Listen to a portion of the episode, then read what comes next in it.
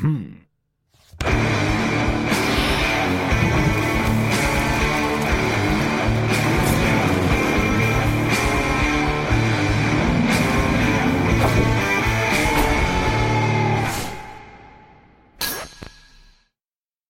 dobrodošla Bolje vas u našla. naš topli dom, ovaj, u ovo što ljudi kažu izuvanje. E, pravo, pravo ime da. Da. za ovu emisiju. E, ali potpuno je uh, neuobičajen faktor. Ljudi misle da je namerno ili ne znam ti nija šta, ali prosto imamo malo dete koje je sada u fazi puzanja. Znaš, i Jasno. prohodavanja. I sada je gajba teritorija koju ona otkriva. I prosto ribamo svaki dan gajbu, usisavamo i tako dalje. I, ovaj, I onda kad ti neko uđe obuven, to je ono, stres. Znači, Da, onda da, sad da. mala ide preko i puzi preko toga. I kad god neko dođe, kao ajde samo molim tako ti nije frka da se izuje, znaš. I nisam ni razmišljao o tome dok, a, pošto su moji, mojih prvih nekoliko podcasta su bili prilično očajno snik, slikani, jer sam sam sebe snimao i kadrirao i tako dalje. Da. I pošto radimo fotoaparatima, oni imaju limit, ono 29 A, ja. minuta i onda sam imao štopericu ovako, pa zapišti telefon, pa ja ustanem kao izvini, pa sve to namestim ponovo i prosto se taj kadar nije video. Onda je došao Vojin je, Vojas uh, Ortak koji evo ga tu uh, snima i namestio je total uh, nešto niže da se vide da se vide da se vide cela televizija se izvajalo o nekom kom trećem podcastu da su ljudi izuveni zapravo, znaš, to. I ljudima je Sjajno. to, eto, iz nekog razloga postalo fascinantno, kao valjda, znaš, daje neku intimu kućnog prostora, nemam pojma, ali u svakom slučaju nastavljamo sa izuvanjem. Jel ti je ovo prva sezona podcasta? A, ovo mi je fazon sedmi, osmi podcast. Jel da? E, dobro. Znači, na kraju, ne znam, neke sezone, znači, sem najboljeg podcasta i najbolje čarape da se proglase. Da. Ocene i to. Srećom mi je tvoja draga pomogla u izboru. Pazi, ne izgleda kao da Polka su dot. neke nasumične, nego baš mi idu uz U styling. styling, da. Da, da, pošto si došao onim natikačama, kako se zovu. Da, ja ih zovem. Natikače ili kako... Zovem ih na malo gori način, ali nema veze. Kako si ti? ok sam, hvala. Dobro Pošto- sam, dobro sam. Uh, sa ljudima kao što si ti uvek mora nekako da se počne razgovor sa, sa temom uh, ili imaš slobodnog vremena? Mm, Tip sam koji ja mislim da doživljava na pogrešan način uh, slobodno vreme. U- Ne znam kad je to Samo da krenulo. budeš malo usmerenije prema Da, da, mikrofonu. da. Ovo su oni mikrofoni što ne hvataju ništa sa strane. Da, da, toliko sam se opustila da sam zaboravila da ovde postoji mikrofon, vidiš, ništa od mene kao pevaljke. Uh, u svakom slučaju, da, mislim da imam po, potpuno pogrešnu percepciju slobodnog vremena uh, u smislu da ne znam od kad, bukvalno ne mogu da da se setim od kada je to krenulo, da ja jednostavno ne znam kad sam poslednji put odgovo, uh, izgovorila dosadno mi je, nemam šta da radim i kao, a, slobodan dan i ja sad tu kao ležim, bukvalno dobijem polu anksiozni napad. Ja kad se razbolim i kad legnem i kad imam temperaturu, ja sam iz ona, eh, sad ću moći malo da sredim gajbicu. Da. I svi oko mene kao, Saro, a, saberi se, moraš da odležiš. Ali ja imam očigledno neki problem koji bi trebalo da rešim što pre. Pa nije nužno problem, znaš, nije, nije, nije nužno problem, ali svakako je taj koncept slobodnog vremena um, kategorija koja je, pa, la, znaš, da, s jedne strane dokolica je važna Da. za kreativne procese. Na, prosto Da. A, neki od najboljih ideja, boga mi neki od najgorih situacija desile su se zato što mi je bilo dosadno, znaš. Da. Đavo po svoje dolazi kad je dosadno, s jedne strane, znači nisam upao u problem bez razloga, osim kad mi je bilo dosadno, s jedne strane, a s druge strane neke za zaista najboljih ideja koje sam imao dolazile su baš u tim trenucima kada nakon napornog, intenzivnog perioda napraviš pauzu Pauzu, da. i onda sa tim otklonom ulaziš u nešto novo. Da, shvatila sam da je, da je to dosta bitno, ali iako sam sebi naglasila da još prošle godine sam želela bolje da organizujem vreme, sve što sam zapravo radila je samo što sam možda sebi odredila prioritete. Ali sad da kao baš imam slobodno vreme, a, Možda radim na tome. pa dobro, sada, je vre, sada tvoja karijera je sada apsolutno u usponu, mislim to je sada jasno i pticama na granama. A, tako da mislim da je super moment je da iskoristiš taj zamajac i taj trenutak i da izvučeš iz njega maksimum i to je, to je potpuno u redu s jedne strane. Da. Ali s druge strane, ono što je meni najzanimljivije u vezi sa tobom negde, jeste da se ti s jedne strane postoji jedna mala tačka identifikacije, jer ja kada sam počeo da radim u medijima imao sam ono nepunih 18 godina. Da, da, da. da. I onda probijanje iz te opne anonimnosti je nešto što je vrlo specifična kategorija za ljude kada nisi još formiran potpuno kao, kao osoba. Da. A druga stvar, koja, i o tome bih volao da pričam sa tobom, a druga stvar je činjenica da si ti uspela da se izdigneš iz uh, jednog formata koji je bio, sad je to, ja sam zaboravio koji je to format bio takmičenje u pevanju, ali koji je tačno da, bio? Da, prvi glas Srbije, prvi glas Srbije. 2012. 2012. 2011. Koliko da. si godina tada imala? Uh, 18, čini mi se, da, da. 18 godina. 18. 18 godina, to je baš rano. Yes. I ono što je inače sudbina ljudi iz tih pevačkih reality show, ne znam, takmičarskih emisija, jeste da uglavnom oni zasijaju tada kad je to i nakon toga ih više nema.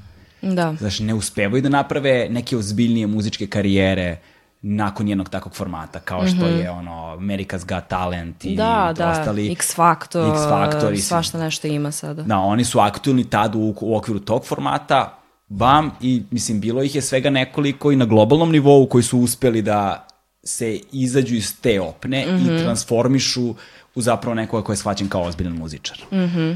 I ovaj, ti si sada na jako dobrom putu, ovaj, mislim već si uspela komercijalno bez daljnjeg, ali si svakako da. i na jako dobrom putu da, a, jer ti sazrevaš zajedno sa svojom publikom, znaš, i to sad dobija jedan dosta ozbiljni format. Kako plivaš u tome? Pa ovako, pre svega, uh, čini mi se da se uopšte ne priča o tome da zapravo mnogi takmičari još tokom takmičenja shvate da im nije to to. Aha. Uh, ja sam doživela još u prvom glasu da su na ne znam kojoj nedelji određeni takmičari uh, govorili kako im je previše sve, jer je stvarno veliki šok. Uh, čak i ne možeš to da razumeš do, dok si zatvoren, smo mi donekle bili u karantinu tri meseca i pravi šok je zapravo sledio kada se sve to završilo i kao odjednom izlaziš iz anonimnosti ljudi ti traže fotke, autograme, ti si se zona šta je, šta treba da napišem ovim ljudima. da, da, da i nisi svesan svega toga koliko je zapravo to praćeno dok se to uh, ne, završi, ne završi. Ali kažem ti, fascinantno mi je koliko se za, zapravo ljudi ne bave i tim faktorom da mnogi tokom takmičenja shvate da im nije to to. Žele da se bave muzikom, ali na primjer da nemaju nikakve veze sa medijima, jer je to možda najveća promena i koliko god da možda imaš neka poznanstva iz sveta muzike ili neke bliske ljude koji koliko toliko mogu da, da ti prikažu ceo taj svet, ti ne možeš da razumeš taj svet dok nisi deo uh, istog i uh, prosto neki ljudi su teže podnosili te oscilacije, jer si ti čas na vrhuncu, čas si na dnu, mm. uh, zvuči kao kliše, ali stvarno pogotovo tokom takmičenja doživiš takav roller coaster da ti u nekom trenutku, to je ozbiljan test da li želiš da se baviš time. Da. I ja mislim da je okidač zapravo tokom takmičenja, tu se testira uh, prvi put tvoja želja i volja i posvećenost i istrajnost, a drugi test je zapravo najteži, to je kada se sve to završi kao šta sad? Kako ja sebe da dokažem? Ti si naviko na taj uh, pattern kao svake subote, spremiš pesmu u drugog izvođača uh, i ok, završi se to veče, idemo dalje i tako tri meseca i onda se sve to završi, ti nemaš pojma ljude, ko, koga ja sad da kontaktiram, jer si kao, makar ja, do pre ne znam koliko nedelja bila na fakultetu i kao najveći problem je bio sledeći rok. Da, da, da. A sada kao kome da se obratim za pesmu, ko će da me razume, s kim ću da radim, koji ću ušte fazon da radim. Mm -hmm. Ti sa 18 godina nisi ni sebe kao osobu pronašao kamoli kao izvođača i onda sledi eksperimentisanje, borba sa samim sobom, sa komentarima. Uh, prosto i ljudi koji govore da im, im ne smetaju komentari, saveti i tako dalje, to je jedna velika laž jer je nemoguće da ne utiče na tebe. Makar ja sad pričam iz svoje neke e, perspektive, jer znam koliko je to uticalo na mene, ne samo kao izvođača, nego i kao osobu. Non stop se nešto preispituješ i e, shvatiš koliko neke stvari mogu pogrešno da izgledaju ispred kamere i onda izgubiš donekle sebe u smislu da Pamtim da sam se ja uh, predstavila kao neki opušten lik koji voli da se šali na svoj račun, na tuđ račun i onda su krenuli, na primjer, komentari u smeru ja vidi ovu malu neozbiljnu, kakva klinka, to jest od svih lepih komentara ja sam najčešće naravno te pamtila, onda sam se ja svičovala, kao odjednom sam ja jedna gospođetina koja je jako ozbiljna tokom intervjua, Pa su onda krenuli komentari, jao, kako je ova devojka dosadna, nije harizmatična. Uobražena. I onda si ti uobražena, onda sam je sezona, fuck, ja sad moram da dokažem tim ljudima da ja to nisam to. I da. onda se vraćam ponovo u neku, naš, drugu fazu svoje kao ličnosti i pogubiš se potpuno u svemu tome.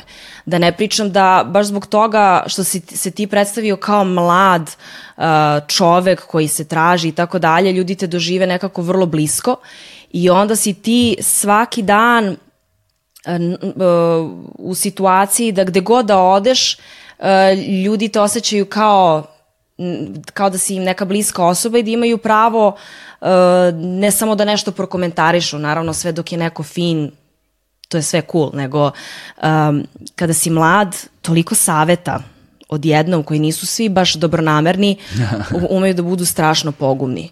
Jer uh, komentarišu ljudi, to je sebi daju za pravo da komentarišu apsolutno sve. Ti uđeš u neki supermarket i kao došao si samo da kupiš prokleto mleko, da. a neko prokomentariše, jao, ja mislim da bi tvoja muzika trebalo da zvuči tako i tako. I sve zato što si mladi, novi, oni imaju osjećaj da te poznaju, da bi oni imali šta da ti kažu, da ti pomognu i tako dalje, a zapravo je to potpuno poguban proces ako nisi jaka ličnost. pa da, znaš, sa 18 godina to svakako ne možeš da budeš, ne znam da. ko je jaka ličnost sa 18 godina. I da, postoji faktor toga da kada uđeš u jednu takvu mašineriju gde si, ne znam, izabrana na nekakvom castingu, sada tvoje iskustvo prelazi od 0 do 100 u jednom danu. Yes. Znaš, mislim, moja, moja srećna okolnost uh, između ostalog i nesrećna. Prva je što apsolutno nisam talentovan za muziku, dakle kod mene je to odstranjeno kao tumor radikalnom hiruškom intervencijom. to, ja kad probam da pevam, to je pakao. Znači, to, recimo, to mi je uvek smetalo kod serija televizijskih ono, i, filmski, i filmova, kada imaju neke ljude koje prikazuju kako ne umeju da pevaju, oni pevaju. A glumci negde po definiciji moraju da imaju nekakvog sluha. Da. I onda oni sad namerno greše određene tonove i kao peva normalno pa pogreši, pa pogreši, pa isfalšira i on se fuzonu, jao, vidi ovaj užas. Ono što ne razumeju je kad nemaš sluha, sve je pogrešno. Nije pogrešno ovaj ton ili onaj ton. Ti ne ubodeš ni jedan ni jednom. Dakle, ukoliko želite da prikažete autentično ljude koji nemaju sluha, molim vas to uradite autentično. Dakle, s jedne strane i s druge strane što sam ja počinjao na jednoj beskreno maloj televiziji koja se videla tri ulice oko terazija i onda svaka greška je mogla da bude oproštena i nije postojao internet. Znaš, to je, Uf, ono, društvene da. mreže, internet nisu postojali, tako da gomila toga nema zabeleženo nigde i ja mislim da to je ogroman blagoslov. Da, da, da, da, da. Ali činjenica je da, da ipak probijanje u toj opni, iz te opne na način na koji si ti, da je jednostavno preko noći se bukvalno jednu noć te niko nije znao, emitovala se emisija i odjednom te kao zna cela Srbija i šire od toga, a, a ti imaš 18 godina. I a, koji je to, ka, kažeš da je trenutak bio pritiska a, da se dešavao, da su se dešavali trenuci pritisak, pritiska kada se testira ono da li ti sad želiš ovime da se baviš ili ne. Kom trenutku je to bilo za tebe? Čini mi se polufinale. E, tada smo svi već odlepili. Što? E, pa zato što je vrlo teško raditi jednu te istu stvar uh, toliko dugo da ti ostane ta početnička žar, uh, da ne utiču na tebe svi mogući komentari i to sve što sam uh, spominjala. Svi smo bili već i mrtvi bolesni, kao svi zajedno živimo u jednoj kući i dovoljno da se jedan prehladi i to kreće. Da, da. Bukvalno lančana reakcija beskrajna. Uh, I pamtim da mi je ta nedelja bila najlošija po, po pitanju svega i nešto i privatno uh, i ovako kao po pitanju prvog glasa i te neke pesme koje sam imala uh, da spremim tebe opet niko ne pita šta si doživeo te nedelje i zašto si možda lošiji uh, te, te subote. Um, I znam da posle nekog vrhunca bio onaj nastup SNM od Rijane, koji je definitivno bio game changer u, u, u mom slučaju. Uh, I onda se desio taj peh Uh, otišla sam u Baraž i Baražna pesma je bila neka teška pesma Marije Šerifović ovaj, gde sam ja zvučala bukvalno kao kozica na dopu. Uh, prosto nisam imala kontrolu nad svojim glasom, ništa prosto. Ta, celo to veče je bilo potpuno pogrešno. I ništa, kada se završilo sve to, ja sam bila vrlo svesna, ja sam vrlo realna. Znači, došla sam kući, ja sam već zbog, nekog, zbog neke svoje procene bila loše, Međutim, ono što me dočekalo na internetu, ja sam prošla dalje. Aha. Uh, iako je moje izvođenje definitivno bilo lošije, prošla sam dalje. Uh, u tom trenutku su krenule teorije zavere, koje kakvi komentari na račun uh, mog glasa, zatim uh, ono poređenje glas, stas, ko je zaslužio, ko nije.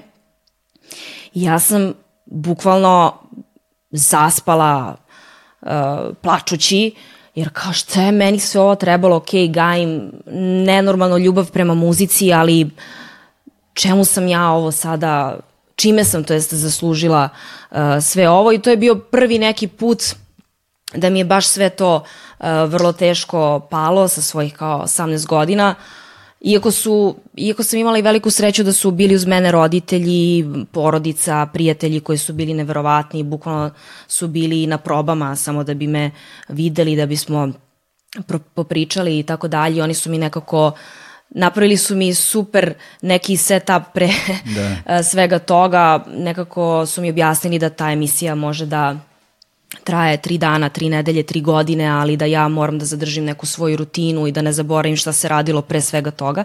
To mi je dosta pomoglo. Sada da ne pravim veliku digresiju, iako mi je teško jer ima svašta tu nešto Nema da veze, se kaže. Nema tu smo, ne, ne, ovaj, ne, nemamo ograničeno trajanje. Da, u svakom slučaju legla sam i osjećala sam se katastrofalno, a onda sam ustala i rekla sebi ne znam, proradila i nadđija u meni kao sad ću ja da pokažem da sam zaslužila da ostanem u finalu i spremila sam na najbolji mogući način uh, te tri pesme koje sam imala i mislim da je to bio neki okidač pro, prosto možda i najteži uh, tokom, uh, tokom takmičenja. Pa vidiš, taj faktor u kojem kada ti se desi tako nešto, da te slomi na jedan način, ali da ne odustaneš, to je ono što mislim da razlikuje brojne uspešne ljude od brojnih neuspešnih ljudi. Zato što to je nešto što se svakome desi na putu pre ili kasnije. Da, Prosto da. život nikoga ne zaobiđe. I više puta, mislim, da. naravno. Prosto život nikoga ne zaobiđe. Ono što je problem u javnom nastupanju je činjenica da to, tome sada svedoči ogroman broj ljudi. Da. I onda je rizik eksponencionalno veći. Nagrada je isto veća, mm. ali je rizik veći. Jest. I s jedne strane, to se baš dosta primećuje u sad generaciji mladi koji dolaze to 2000. godišta na ovamo, rođeni koji sad imaju 20 godina, jel te, koji su odrastali sa tim digitalnim tehnologijama, jer ono što je za mene bio blam je videlo sedam drugara iz odeljenja na ekskurziji. Znaš, ono što je klincima danas blam vidi ceo internet.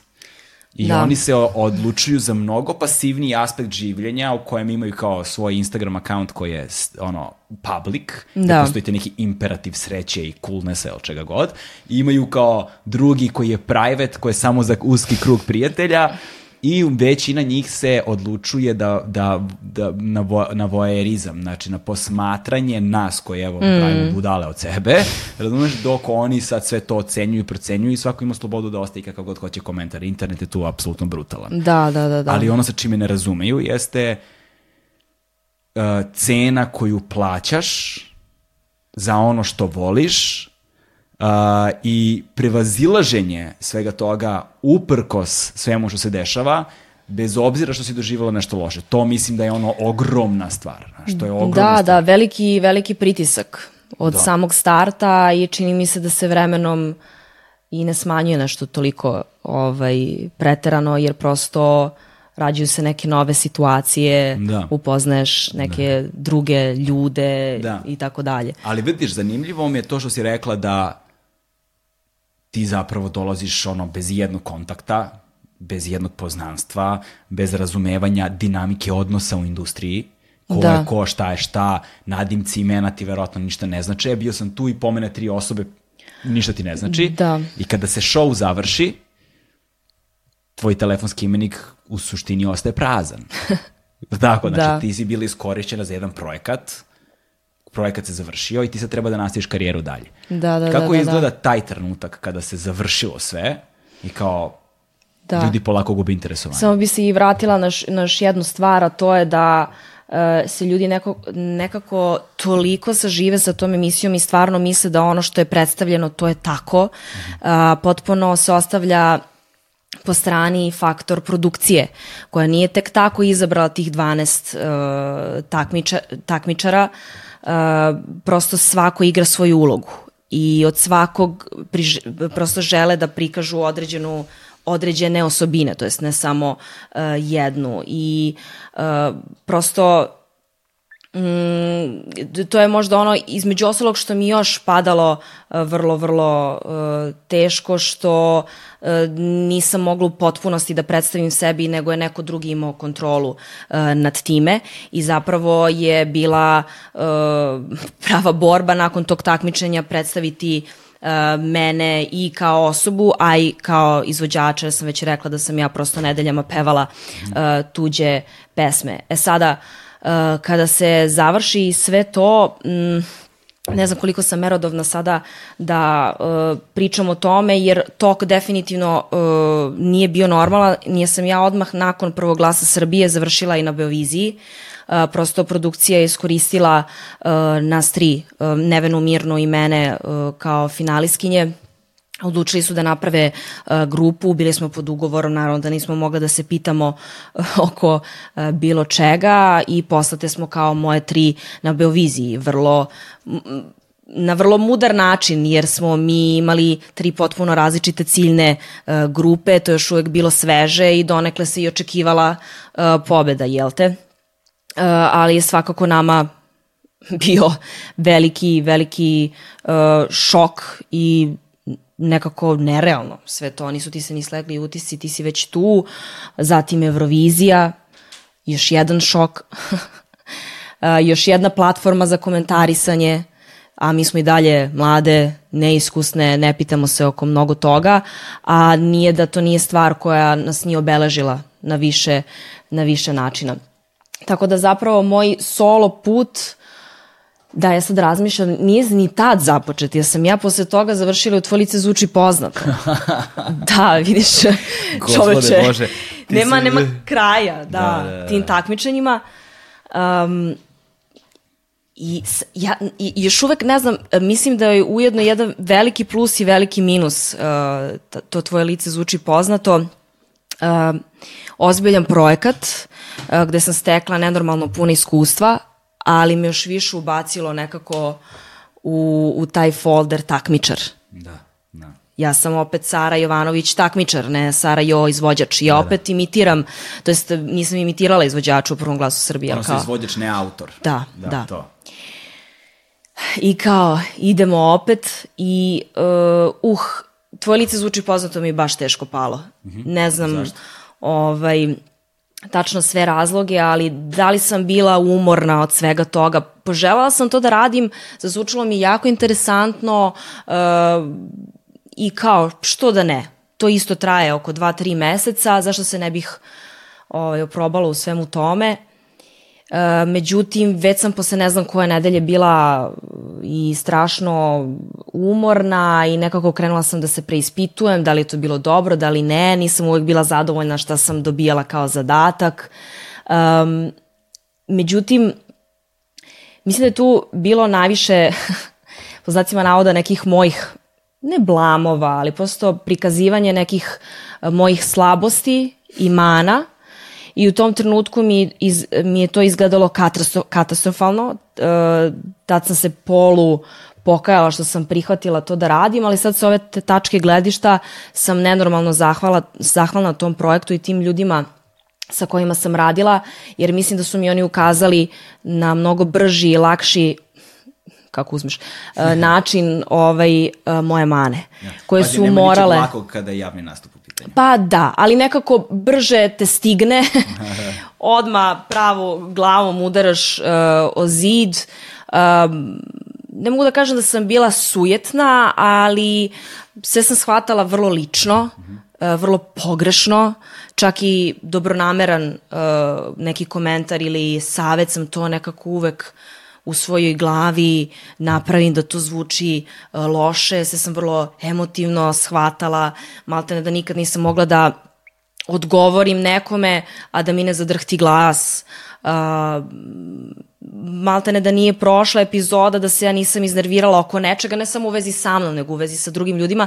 Mislim da sam imala potpuno pogrešnu percepciju o ovom poslu i uh, prosto o svojoj ulozi uh, ovaj, na, na muzičkoj uh, sceni. Tako da mi to baš dosta pomoglo. Mislim da nisam bila ovaj, u takvom nekom projektu ko zna kada bih shvatila da imam te neke probleme i da previše polazim od sebe. To je isto jedna velika da. greška. Uvek sam polazila od sebe. Da, ja sam te neke lekcije baš kasno naučio, neke nažalost mislim da nisam još uvek naučio i savladao, te elementarne barem. Ja sam da. ono što ljudi kažu, ako bi ćemo eufemizam da upotrebim, ono late bloomer, kao, znaš, znači ja kasno sam se, kasno sam se a, rascvetao i razvio, a u suštini prevodu samo sam ostao dugo nezreo. A, I da, ja sam do dugo imao taj utisak da svet počinje i završava se sa mnom. Znaš, tako, to je, to je, to je, to je cena, da. za tu grešku sam cenu skupo platio. A, negde i dan danas otplaćujem, mogu da kažem. Ali, me, ali mi se, su mi dve stvari su mi se tu ono ostale. Prva je uh, ugovor koji vam nije dozvoljavao da radite ništa. Kakvi su bili ti ugovori? Tan, tararam. Mm -hmm. Kakvi su bili ti ugovori? Pa znaš kako, ta televizija mi je maltene donela sve ovo. Da. Ona je bila platforma da me ljudi upoznaju. Ko zna kakav bi bio moj put da se nije to desilo. Pogotovo zbog žanra i stila koji sam ovaj, izabrala. Tako da daleko od toga da sve to shvatam na neki negativan način. Da, e, prosto zahvalna sam e, prilici, ali nije da nije bilo teško, e, ne znam koliko je trajao taj ugovor, prosto mm, nije bilo lako e, znati da nisi samostalan u svemu tome, da se ne pitaš oko svega, pogotovo ako si taj lik koji voli da se pita oko svega, koji je maltene control freak i po pitanju, ne znam, uh, singlova i po pitanju određenih poslova, gde ćeš da radiš, kad ćeš da radiš um, i tako nekih izbora kao što je, na primjer, bila Beovizija, Eurovizija. Da me neko pitao koliko god da bih volala da se nađem na toj sceni, verovatno ne bih izabrala da se nađem na toj sceni sa 18 godina, 19 koliko sam uh, imala, jer iako nisam imala iskustva, već mi je tada bilo jasno da ako ne predstavljaš uh, sebe na najbolji mogući način u smislu mm, sa pesmom koja ti zaista leži, koju zaista doživljavaš kao svojom, u problemu si od starta, jer ti da. niko neće verovati, jer ti sam sebi da. ne veruješ. Tako da, a ja imam u sebi taj moment kontrol frikovanja i u poslu i ovako u privatnom uh, životu, tako da mi u tom smislu palo uh, sve to teško, ali taman je to bio neki period privik, uh, m, privikivanja svemu tome, privikavanja, uh, ne, privikavanje, privikavanje, izvini, molim te. Uh, kao imam izgovor da sam dugo živala u Italiji, pa ponekad Pričat ćemo se... i o tome. Padeži su mi uvek bila najveća noćna mora, ali izgleda da treba da radim i na boš način. Nije ni bitno. Ovaj, u svakom slučaju, Uh, da, to, to sam krenula da kažem da je to bio kao neki probni period na muzičkoj mm -hmm. sceni dok sam malo shvatila kako sve funkcioniše, uh, kojim ljudima bi trebalo da se okružim i taman kad se završio ugovor krenulo je sve u nekom smeru u kojem bi trebalo, čini mi se. Da, Da. E, vidiš, a druga stvar koju sam upamtio u malo tvojom malo, malo pređešnoj priči je, rekla si, tebi vrlo onako spontano i ne, nezapaženo, ali vrlo simptomatično za našu muzičku industriju. Rekla si da mi se sve ovo nije desilo, ne bih znala uh, kakav je ovo posao. Iz, rekla si reč posao, potrebila si imenicu posao, govoreći o muzici. A, I mislim da je to ključna stvar u kojoj se naši autori, da kažemo nezavisni autori i ljudi iz komercijalne industrije razlikuju. Razlikuju se u tome što ne razumeju, mnogi naši autori ne razumeju da je muzička industrija posao, da je muzika posao pre svega, nažalost. Da. I da činjenica da si napravio ili napravila ili napravili pesmu, da je to samo jedan deo posla, da ono, ogroman deo biznisa u suštini tek sledi. Da. Znači, od načina na koji, munici, koji komuniciraš, kako komuniciraš, ugovori koje potpisuješ, Naravno. promocija, platforme za od digitalne distribucije na ovamo, na namo, sve i svašta. Da, da, da, da. autorskih srodnog prava, ovo, znači to je biznis, ti ustaneš ujutro, ti moraš da se baviš svojim poslom. Probe su od, kao odlazak na posao, proces stvaranja, kreiranja, a, držanja do sebe, istrajavanja u svemu tome i na kraju dana znati kad je gotovo, znaš, kad Da, je pesma da. gotova, znaš, da li je to to i da li s ovime izlazimo i koja nam je strategija, koje su nam taktike, planovi, posao. Jeste. Posao. Da, ali mislim da publika pogrešno uh, shvati kada se uh, to prikaže kao posao. Um, jer gledala sam mnoge intervjue gde su drugi izvođači pokušavali da predstave zašto na primjer to nazivaju uh, imenicom po, posao, mislim.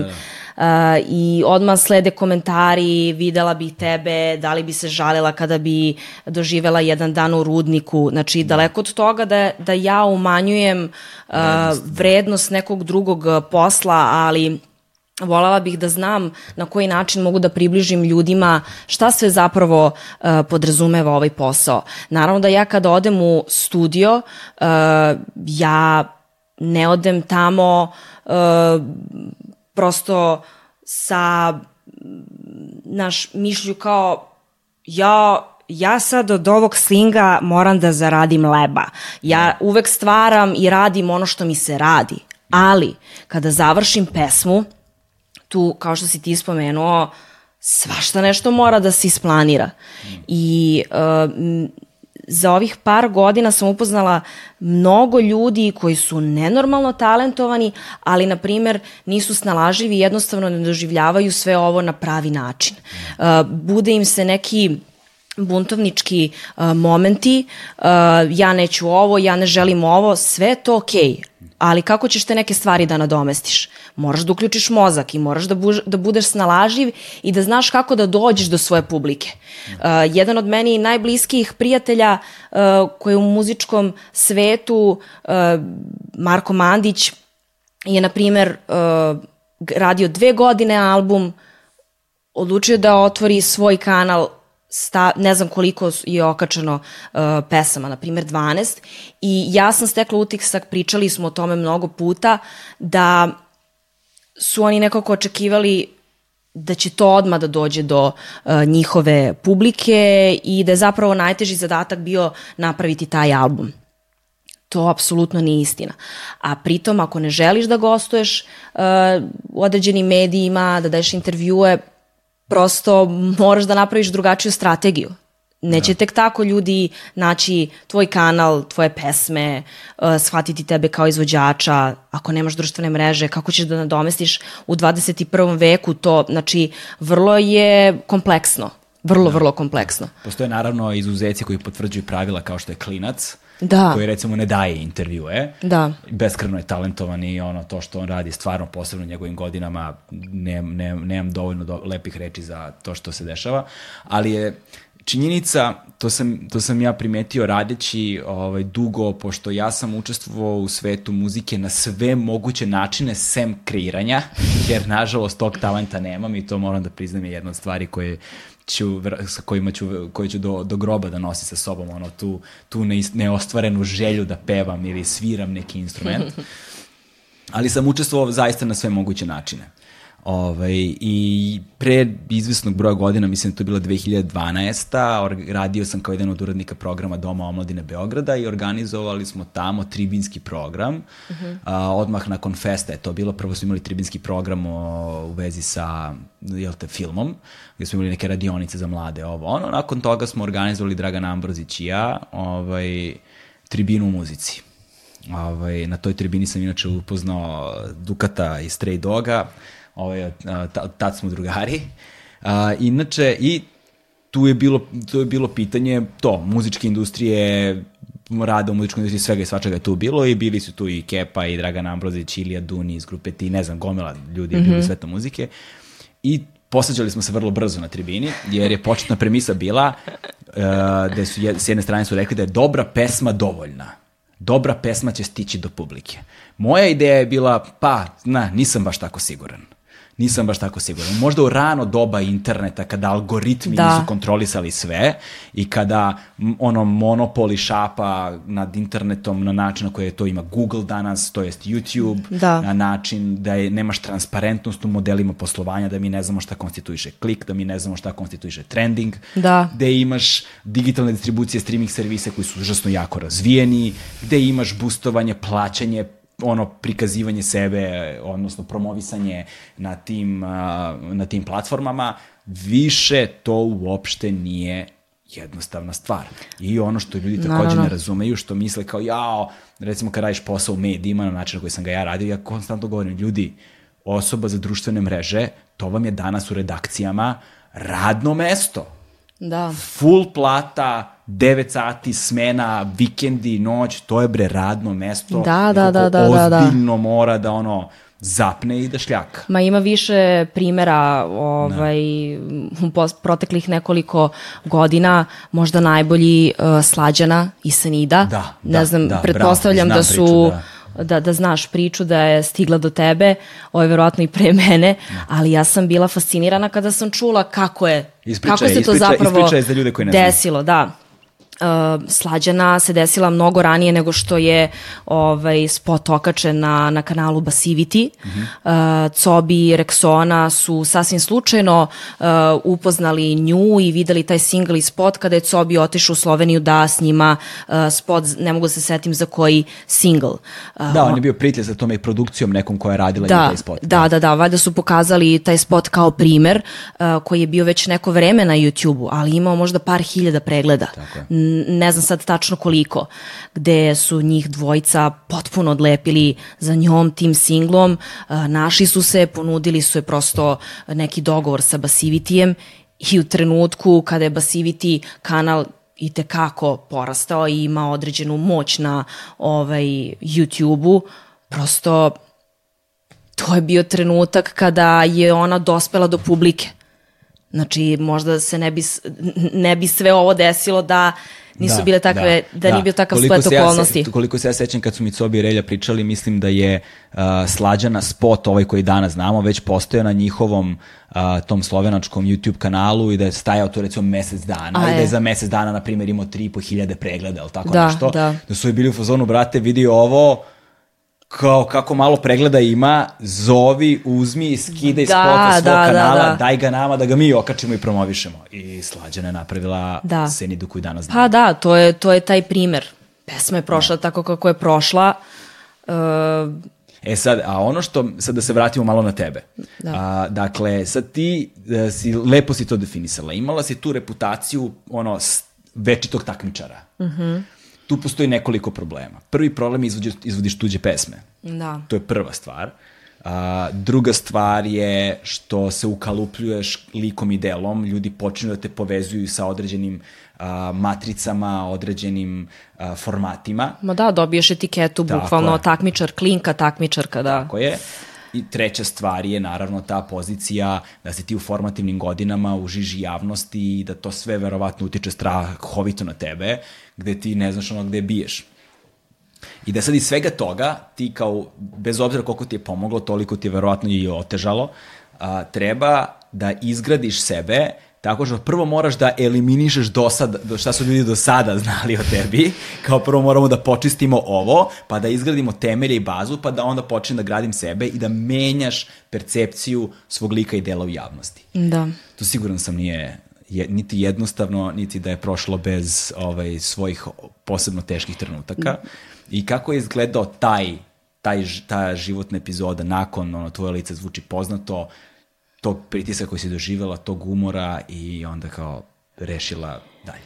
Pa veliki me posao očekivao u smislu da uh, je trebalo da nađem prave ljude, jer ima mnogo talentovanih uh, produkcija i tako dalje, ali jednostavno se ne poklopiš energetski. I bilo je tu koje kakvih uh, faza, što je i normalno za, za te godine. Uh, čas sam bila dosledna svom nekom pop R&B fazonu, pa onda pomislim, ma ne, reggae, dancehall je moj fazon i onda tako menjala sam saradnike iz singla u single i uh, kao što si ti spomenuo svakako da je bila jedna od najtežih stvari da se pronađem, da pronađem neki svoj zvuk. I da znam koliko je bitna moja reč u studiju, uh, moja neka referenca, ideja, uh, prosto ja sam ta koja izlazi na scenu i predstavljam sebe kroz svoje pesme, ali ima tu još milion stvari na kojima je trebalo da radim, koje su usađene i pre prvog glasa Srbije, e, zbog porodice, društva i tako dalje i neke stvari koje su se usadile tokom takmičenja. Um, ono što smo mi ovaj, spomenuli tokom poziva kada smo pričali, uh, taj kao imperativ uh, nekog nasmejanog kulturnog uh, bića koje s jedne strane uh, i tekako dobrodošao, ali ja mislim da mi mnogo, u mnogim situacijama to i odmoglo. Uh, jer ja nisam umela da se snađem u određenim situacijama. Ako, na primjer, pričamo o medijima, dešavalo mi se milion puta i tekako neprijatna situacija, potpuno glupavo pitanje i umesto da nekako se brecnem i odgovorim kako bi trebalo, uh, ja zapravo ispadnem kao neka sidljiva, mutava devojka, Da, da. samo zato što su moji roditelji meni prosto usadili taj moment da moraš da budeš kulturan i vaspitan prema svima, da se ponašaš prema drugima onako kako bi ti žela da se drugi ponašaju prema tebi i daleko od toga da ih krivim i da ne želim prosto da zadržim tu osobinu. Ali u ovom poslu ja mislim da i, tekako treba da pokažeš svoj karakterčić jer uh, ako ostaneš u toj, neki, u toj nekoj zoni um, komfora, kulture i vaspitanja i kao ne želim nikome ništa loše uh, i prosto možeš da ispadneš kao neka isprazna ličnost. Strašno je teško balansirati uh, sve te stvari koje su usađene pre muzičke priče, tokom muzičke priče, neke stvari bukvalno ne idu jedno s drugu. Pa pogledaj celu trap kulturu izgrađena na kurčenju. Da. Misli, znaš, po, po, polovina i više od polovina harizme koju nose je to samopouzdanje Da. koje imaju, znaš. Da, da, da, Znaš, da. taj, taj, taj bezobrazlog, taj ono in your face, ono stav Da. koji, koji, koji oni nose sa sobom, ta energija. I, I dan danas imam taj problem. Naprimer, na sceni nemam problem da budem kogod, kako god, da se uključi taj alter ego, ali ah, i dalje mnogo zavisim od, i od tuđe energije tokom intervjua. Znači, tokom jednog dana mogu da dam dva intervjua, jedan da sam potpunosti opuštena, a u drugom intervju da ljudi steknu utisak bukvalno kao da umesto mozga imam ono kao Homer što ima majmunčiće e, koji lupkaju e, i sve su to neke stavke na kojima radiš vremenom i strašno je teško kada uh, ti upadneš, kao što si ti rekao, sve ovo kao sa 18 godina i prosto ne znaš na čemu ćeš pre da radiš. Sva, svašta se tu nešto uh, događa i osjećaš se nesnađeno. Važno je da si prepoznala, to je prva stvar. Na posledno da si uspela to dosta rano da prepoznaš i kao da si krenula tim putem pa koliko god on sada traje. Da. To je, to je važno, ali taj imperativ sreće koji postoji a, u industriji zabave prvenstveno, posebno u tvojoj poziciji, kada na sve to uključiš tu vrstu ljudnosti, ljubaznosti, dobronamernosti, gde onda svako može te koristiti kao ono prljav dronjak neki jebi ga, razumeš ukoliko je zlonameran, a ima nekakvu poziciju moći s koje nastupa Da. a, i skoro pa da se osjećaš da si obavezna na ljubaznost. da si, da si, da si obavezna na to da ne smeš da budeš loše da ne smeš da budeš neraspoložena, da ne Da. smeš da imaš izlive ovoga ili onoga, da to ne sme nikada da se vidi. Da. sve to nekako moraš da provodiš sama, ono, i da isključiš druge ljude i svega toga. I mislim da je to prvo užasan pritisak, drugo nikako nije dobro za mentalno zdravlje. Na kraju dana mislim da nije dobro ni da se takva slika imperativa sreće ostavlja tako besprekorna, jer svi ti klinci koji te prate i gledaju i a, ljubitelji tvoje muzike, tvog lika i dela, a, mislim da je i njima korisno i važno da vide da ti osmesi nekada imaju pukotine i da je to skroz okej. Kako ne, da. A mislim da se dešava konstantan test svakog dana e, po pitanju toga, jer ti kao odeš na snimanje, normalno da ti ne legne svaka osoba na tom snimanju, a ja opet se vraćam na to šta mi je usađeno, ja sad kao, oh, ne mogu da se brecam i ovde sad da ispadam e, kao e, neki drkađija koji naređuje ili negoduje, e, pa onda, ne znam, desi se dan, e, ne znaju ljudi da li mi je možda šta se desilo u mom privatnom životu sa dečkom, smrtni slučaj ili slično, ja baš tog dana sretnem ne znam koliko ljudi koji želi da se fotografiše i u tom trenutku se onda dešava uh, taj moment kao a u stvari uh, umireš uh, u, u sebi. Ja sad sve vreme razmišljam, zaista se nadam da ovo ne zvuči površno, ali pokušavam nekako na najbanalniji način da Da, ljudima da, da. približim Nemoj o da čemu, o, o čemu pričamo i šta to zapravo sve uh, podrazumeva. Pa mislim, ne mogu da se poredim sa tobom svakako, zato što tvoj nivo popularnosti je nešto što je meni nepojmljivo, a mislima ne mogu to da obuhvatim, ali s druge strane razumem poziciju otprilike, jer recimo ja sam nekoliko godina radio jutarnje programe, na primjer svaki dan uživo iz studija i kao dve, tri godine mislim da je to trajalo. Sad ti ako radiš svaki dan taj jutarnji program, znaš, nisi ti svaki dan isti. Znaš, Naravno. prosto nisi, znaš, niko od nas nije. I bilo je jutara kada sam bio baš loše, bilo je jutara kada sam bio baš dobro, ovaj, ali ti uvek moraš da ostavljaš nekak, negde ravnomeran utisak. Ne. I mislim da ljudi koji uspeju da naprave svoju poziciju, svoj nekakav ekosistem u, u javnom prostoru u kome mogu da budu ono što jesu, da je to zaista pravi uspeh, da je to zaista pravi blagoslov. Neko koga će da prihvate sa svim manama i vrlinama i negde da im se raduju. Jeste. I koji mogu da kapitalizuju na tome, još da zarade lovu, e Da. to su ljudi koji imaju potencijal da uđu u legendu kojima ono, prosto rok trajanja je nešto što mogu da prevaziću. Mm. Znaš, ali to je ipak, znaš, neko ima sreće da mu se desi rano, boga mi vrlo mali broj njih, ali ve, veliki broj njih iza to je ta jednostavnost zapravo. Da, bez preteranog razmišljanja. Ali, ali ta jednostavnost se najteže postiže. Ljudi plaćaju cenu, strahovitu cenu. Svi ti ljudi koje mnogo jav, koje javnost voli da blati i ne mogu da ne mogu da, da, da, da, da se pravim sa tu nekim ono puritancem, sam sam bio kriv za te iste stvari. I onda ali sam imao tu priliku da upoznam neke od tih ljudi i da mi potpuno ono bude me sramota šta sam mislio o njima zaista, bude me sramota šta sam mislio o njima i da onda sedim i da se preispitujem i kažem sebi jebote galebe, koja si ti kretenčina, kako te nije sramota i s koliko god puta da napravim istu grešku, mislim da je to ono elementarno ljudsko u nama. Da. I da na kraju dana mislim da ću je napraviti verovatno ko zna koliko puta još u životu, ali sam spreman da mi mišljenje bude promenjeno. Jesi to pomislio i kada smo radili zajedno? Onaj projekat Nadi.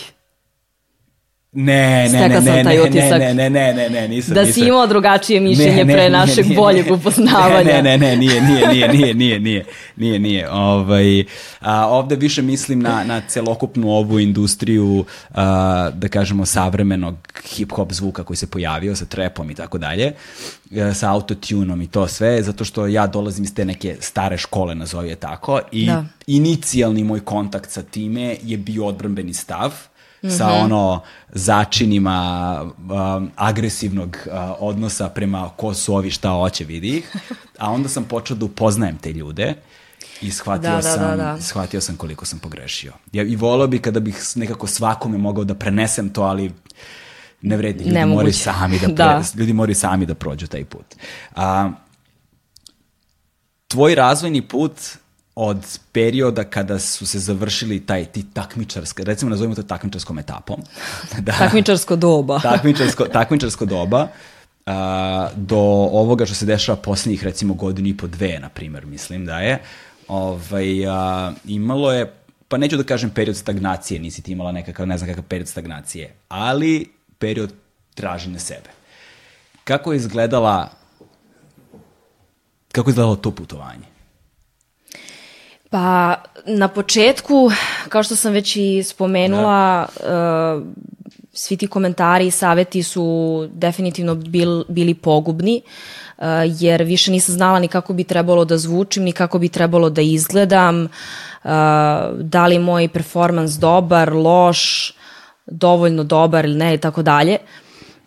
Mislim da je prekretnica bila kada sam odlučila da se vratim, po znacima navoda vratim ljudima koje sam upoznala pre prvog glasa Srbije, a to je ekipa iz Basivitija. Aha. Ja sam njih upoznala sasvim slučajno od 2000 sad bi se nadovezao Rexona, jeste kad si bila u Pelenom. Da. Ovaj, ja mislim da je bila 2009. 10. ali tako nešto. Uh, moj tadašnji dečko uh, je, ima brata iz Niša, MCN-a. E, I e, taj moj tadač, tadašnji dečko Nikola me je pitao e, da li bih ja možda želala da mu pevam prateće vokale. Ja apsolutno nisam znala u što se upuštam. Iako, buf, ok, što da ne. I otišla sam u studio, ovaj, Basivitija, da sam upoznala uh, Cobija, Rexonu, Rastu i tako dalje. I mi smo odmah kliknuli. Mi sa nekima više, sa nekima manje. Da, da, da. Pogodi s kim sam manje. ok. ok. ovaj, I ne znam zbog čega, kada se završio prvi glas Srbije, sam išla kod nekih e, drugih e, autora, dok nisam odlučila da pozovem e, Rexoni Cobija i da kažem da ih prosto pitam da li bi želeli da rade sa mnom single, jer sam imala uglavnom problem kod drugih autora, nekako se malo uh, poremetio taj moment uh, singla, pogotovo kada radiš single, ni tu se nešto preterano uh, ne pitaš ako poželiš da uključiš nekog drugog autora, kompozitora i tako dalje, uh, jer na ovoj sceni su se formirale cene, zna se koliko ko košta, dođeš tamo, kucaš dobar dan, želim pesmu, daj mi referencu, ta je toliko, toliko para, izvolite, završi se uh, i to je to. Ne kažem da je to bilo u mom slučaju, ali nisam bila uh, onoliko samostalna koliko sam želela u određenim izborima. I to sam prvi put doživjela sa Cobijem, kada smo radili Nemam vremena za to. I dan danas se rado prisećam tog prvog nekog uh, stvaralačkog procesa gde se ja pitam oko, oko nečega. Prvo oko matrice, uh, zatim smo radili melodijske linije, Rexona je taj koji je dao punchline, nemam vremena za to, za refren i Onda smo uključili Ikea koji dan danas radi sa mnom, radio bez sna Mili Mili. I nekako smo zajedno uh, napravili stvar koja je, ja mislim, prekretnica uh, u mojoj muzičkoj uh, priči po pitanju svega i zvuka i stava i nekako se osetilo da je uh, ličnije i to nešto možda i donekle klinačko buntovničko što je ostalo u meni ovaj, od ranije, jer prosto neke stvari nisam mogla da izrazim uh, do tada i čini mi se da sam zahvaljujući uh, toj pesmi neke stvari ostavila iza sebe. I tad je nekako krenulo sve da dolazi uh, na svoje. Upoznala sam sjajne ljude i za ovaj spot na čelu sa uh, Lazarom uh, Bogdanovićem i od tada, to je mislim bila 2017. ili 18. Uh, do dana današnjeg sam oformila neku svoju ekipu i uh, poslednjih godinu dana shvatam koliko je to bitno. Da, da ti imaš poverenje u ljude i da ne mariš o nekim detaljima jer to može da bude uh, pogubno u tokom, tokom procesa, pogotovo ako si control freak i razmišljaš o nekim detaljima koji ne bi trebalo da ti se tiču, uh, gubiš snagu, prosto dođeš do, do tog snimajućeg dana za spot i ti si mrtav, zato što da, si se bavio uh, milion nekim sitnicama od ne znam ja sada, i to bih volala da umem bolje da predstavim uh, publici od budžeta, od toga ko će biti statista, kako će, kako će se obući, uh, da li će se na, na vreme spremiti koreografija i tako dalje i tako dalje. To je uh, prva stvar, reci koliko je Cobi talentovan. Dakle, ja... Cobi je jedna zver, znači, to je... strašna zver i neverovatna energija. Ja mislim da ko ume koliko toliko dobro da proceni ljude, da on odiše takvom energijom uvek. Kod njega postoji ta uh, neka nota emotivnosti koje i čistote da, nekako koja je uvek ne znam. utkana u svakom da. njegovom numeru postoji malo mraka i malo emotivnosti koji nekako tu provejava on ne može toga da se oslobodi čak ni ne želi i to je da. ono što je što mislim da mu daje ogromnu vrednost znači mnogi dobri producenti postoje ali muzika zvuči sterilno. Mislim, taj beat koji naprave super, sve mm. je, kada bismo ga analizirali po ne znam kojim kriterijuma, to bi bilo ono besprekorno, da. ali te ne radi. Znaš, ali jest, te ne radi. On, jest. ima to, on ume da te pogodi u žilu i ono da te raznese. Jeste, i toliko je redko, uh, kod, redkost je kod nas da uh, neko može da napravi po znacima navoda proizvod maltene za bilo koga i da, da to bude dobro. Znači, ti tačno znaš ko, koji autori kompozitori postoji i šta od njih možda očekuješ. Znači, ti dođeš kod određenog kompozitora, kažeš želim to i to, važi, nema problema, ali uvek se provlači maltene jedna te ista atmosfera, uh, tekstovi dosta liče uh, i ne znam, čini mi se da je Cobi jedan od redkih koji zaista ume da napravi ono što ti želiš. I to se vidi Mislim, da. po njegovom nekom stvaralaštvu, a i ono što je radio za, za, za druge ljude. Tako je. I sad si opet upotrebila jedan izraz koji je svrsten, po, po, uh, uh, koji je uh, pripada tom poslovnom modelu kome si malo pregovarala, kada si proizvod. Da. proizvod. To je ono što razlikuje novu generaciju pop izvođača, a, kad kažem pop ne mislim na stilsko-tipološku žanrovsku odrednicu, mislim na tržišni model, mm -hmm. a, a to je da su doživeli najzad u velikoj meri muziku kao robu.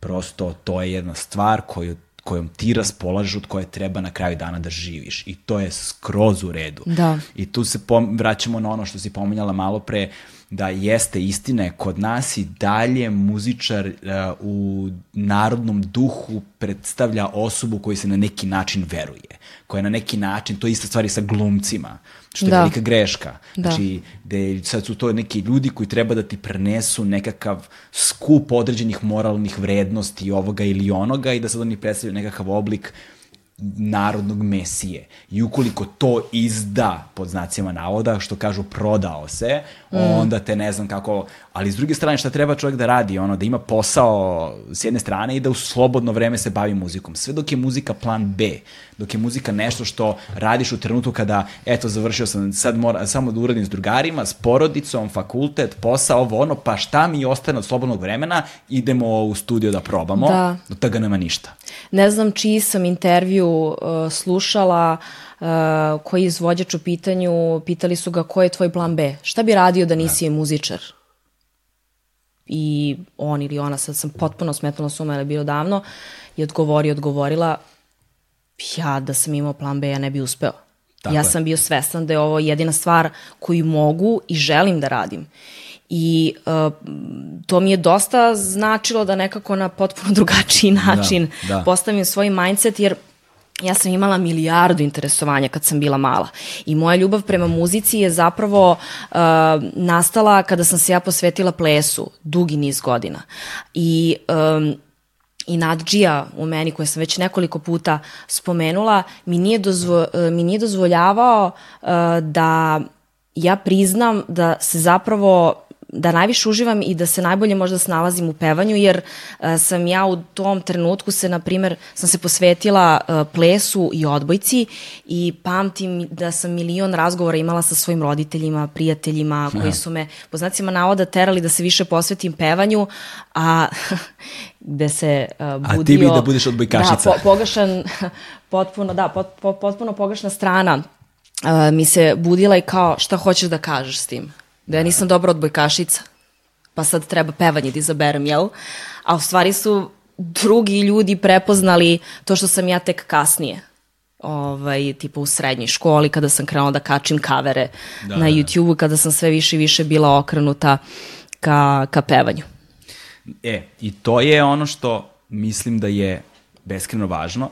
S druge strane, um, postoji taj faktor, sad, šta sam, kako bih, kako bih to formulisao, ovaj, um, postoji faktor u kojem taj kreativni proces ono, stvaranja Uh, s jedne strane ti ljudi zvuče tipski, s druge strane o, naš sobi posjeduje tu vrstu ra raznovrsnosti, ali opet sad ti sve to nekako treba da izneseš. I pronalaženje tog karaktera, tog boje, te autentičnosti kao backsta od svega ovoga, mislim da je se desio prvi trenutak kada je tebe, ono, barem iz mog ugla, to je možda moj subjektivni doživljaj, publika shvatila dosta ozbiljnije jeste u trenutku kad se pojavila Mili Mili. Mm -hmm. Znači, cela ta estetika, uh, taj zvuk i način na koji si ti prikazala sebe u svemu tome je meni bio taj, ta, tad sam ja imao prvi put taj wow efekat. Znaš, da sam, da sam ja sad tebe doživeo kao ozbiljnog muzičara. A, ono što hoću da kažem jeste da postoji, postoji taj faktor i globalno posmatrano kada po, gledamo industriju, tih ljudi koji rano kao mladi postaju zvezde kroz različite projekte. A, recimo boy bendove kad posmatraš. Iz boy bendova samo se nekolicina muzičara izdvojila Jeste. i ostali su upamćeni kao legende. To je bio ono, ovaj, George Michael, koji je bio u grupi Wham, bio je Michael Jackson, te Jackson 5, Robbie Williams. Da, iz mog detinstva Justin Timberlake. Da, ali Justin se recimo namučio ozbiljno. I ta, sećam se tog trenutka jednog, njegov menadžer je želeo zapravo, i taj menadžment njegov, pretpostavljam, je želeo da ga sproda kao ozbiljnog muzičara nakon NSYNC-a, jel te? I nije im polazilo za rukom Da, dugo. da. I sećam se kad se desio taj SAR, kada je SARS virus bio u Torontu, Kanadi, gde već i kada je se SARS, eh, kada je prošao SARS, a kanadska vlada je rešila da organizuje festival, to dakle ima na internetu, se vidi taj snimak, da organizuju festival, da promovišu kao sad naša zemlja je bezbedna, molim vas dođite i doveli su velikane a, muzike da nastupaju, tu su bili Stones i mm -hmm. Ozzy Osbourne, ne znam, bila je ono kao jednodnevni festival koji je imala plejadu tih monstruoznih muzičkih gromada gde je došlo, ne znam, 300, 500 hiljada ljudi, ono, redovi zvučnika, Da, da, da, da, ono, da. helikopterima su iz, ka, kamere iz helikoptera koje su pokrivale to more ljudi. I ovaj, tu se nekako zadesio i Justin Timberlake među njima. Sad zamislim njega u svemu tome, ima snimak gde on za klavijaturom ovako svira i izbegava sve ono ključeve i flašice vode koje mu bacuju na binu i ljude koji mu zvižde i tako dalje. Ah, da. Jer prosto on je doživljavan kao projekat, ne kao ozbiljan muzičar. Da. On je to uspeo da prevaziđe i da od sebe napravi mega zvezu. S time da je on ušao i u svet glume i filma i ovoga i onoga i da je on prosto postao pop fenomen Da. de facto. Ali, ovaj, e, ali da je postojao taj problem probijanja te opne ozbiljnosti. Da, zapravo sve smo mi nabrojali lepo te stavkice, ovaj, kao koje, koje sam ja sve probleme, po znacima navoda, imala nakon takmičenja, sve to može zapravo kroz jednu rečenicu da se kaže, a to je uh, kako da te dožive ozbiljno posle tako nečeg pogotovo dva, na primjer, takmičenja, Da, ili tri, tri, ili tri. ili, na primjer, Da. tri. Kako da te shvate ozbiljno, da. Da. I to je ono što je, to je ono što mislim da, da si uspela da postigneš time, posebno što si dala taj neki old school šmek, ono sa 4-3 formatom, tom uh, 90. e, stylingom koji negde pripada toj UK garage, tu step eri. Meni je to tako romantično sećanje.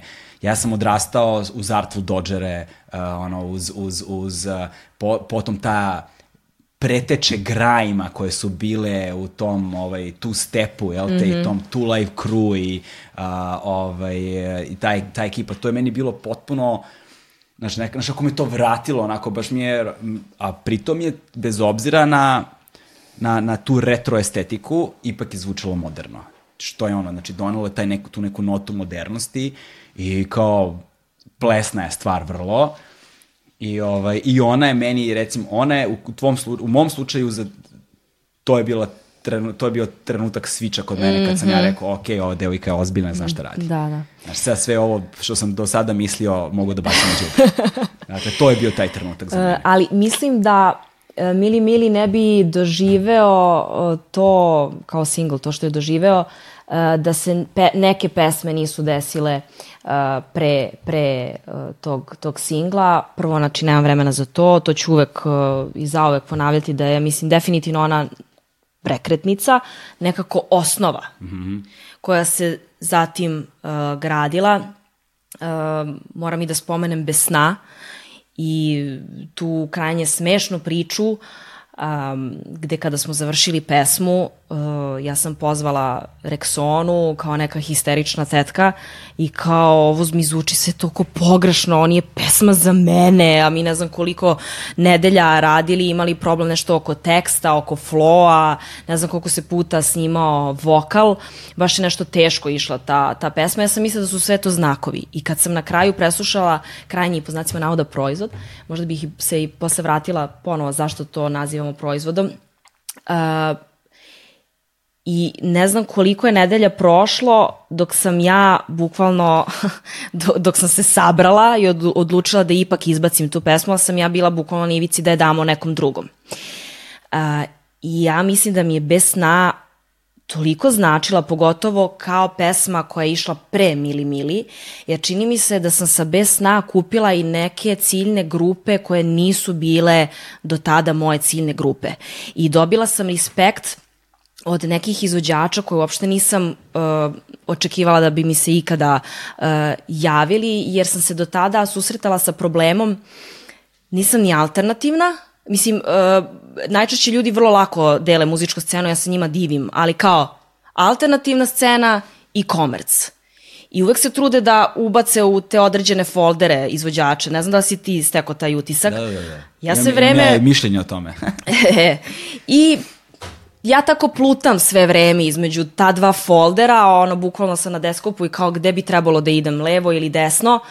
Um, I, I dan danas ne znam da li je to bio u mom slučaju plus ili minus. Da. Jer sam se, imala sam prilike da upoznam neke uh, ljude sa underground scene koji su imali predrasude prema meni i obrnuto. Naprimer, ljudi sa, sa neke komercijalnije scene su očekivali da ću ja imati predrasude prema njima, ne znam zašto, jer ja nikad nisam komentarisala ni jedan žanar ni jedan stil uh, na neki loš način. Jednostavno nešto mi ne leži, nešto mi leži, nešto mi prija, nešto ne, ali nikada nisam izgovarala određene stvari koje su oni ne znam kako to ovaj, prosto prepoznali. Uh, I uh, u svakom slučaju, uh, nakon bez sna, uh, su mi se javila, na primer, znam da zvuči jako smešno, ali, na primer, Sek Aleksić i Tanja Savić. Da. Ja sam dobila njihove poruke na Instagramu, ja skidam kapu, s, mislim, stvarno je redko, nažalost, na ovoj sceni pogotovo da žena ženi uputi kompliment, uh, ne samo fizički, taj najpovršniji mogući, nego da se pohvali nečiji trud i rad. I da neko stariji koji ima naspram tebe ne znam koliko više godina iskustva je našlo vremena da se tebi javi da kaže wow, bravo carice. Da, da. Svidelo mi se to, to i to, da su oni uopšte naše vremena da to izanaliziraju. I tada sam shvatila koliko je zapravo i bez sna bio bitan kao single, uh, jer je dopreo uh, do neke publike koja je bila mnogo šira nego moja uh, koju sam imala do tada. Da. Ne znam još uvek zašto. Možda zbog refrena uh, koji je možda najveći punchline naspram svih refrena koje sam imala uh, do tada. A Mili Mili kada smo radili, mislim da smo o tome već pričali, uh, kada je nastajala, ja sam bukval, mi smo bukvalno vajbovali u studiju i kao, ma idemo sa ovom bre, jedna za naš groš. Da. Mislila sam da ljudi uopšte to neće shvatiti onako kako su zapravo na kraju shvatili i nisam bila sigurna da će me doživeti na način na koji bi trebalo da, da me dožive kroz tu pesmu, međutim, najbolje reakcije sam zapravo dobila na, na, na toj pesmi, a mislim da je bio kidač najbitniji za uspeh te pesme jer smo prvi put radili nešto sa konceptom. Aha. E, ono što sam shvatila pre izbacivanja singla Mili Mili, da pogotovo na našim prostorima nikad nije postojao koncept.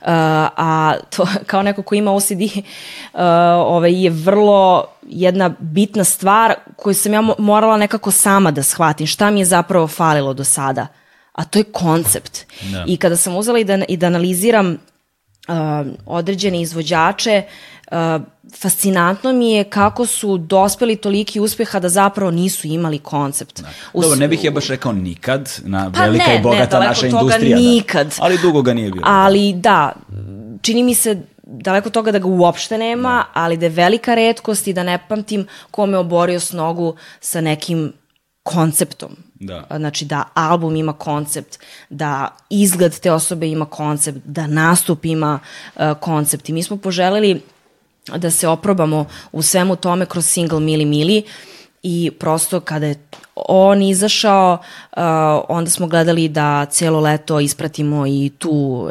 estetiku i sve što je podrazumevao prosto taj period kao 90-ih i mislim da mi je to baš dosta doprinelo, da nije tu, samo do same vraćamo, pesme. Tu se vraćamo na onaj, onaj plan B o kojem smo govorili. Dakle, da. koncept, da bi postao koncept, ljudi prvo moraju da prelome u svojoj glavi ovo je ono čime se bavim i ovo je ono što uzima 24 sata mog dana To je to. Ovo živim mm, svaki da. dan i nemam plan B.